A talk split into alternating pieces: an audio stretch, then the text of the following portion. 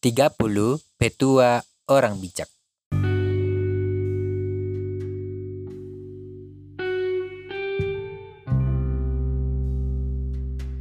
Hai anakku, jika hatimu bijak, hatiku juga bersuka cita. Jiwaku bersukaria kalau bibirmu mengatakan yang jujur.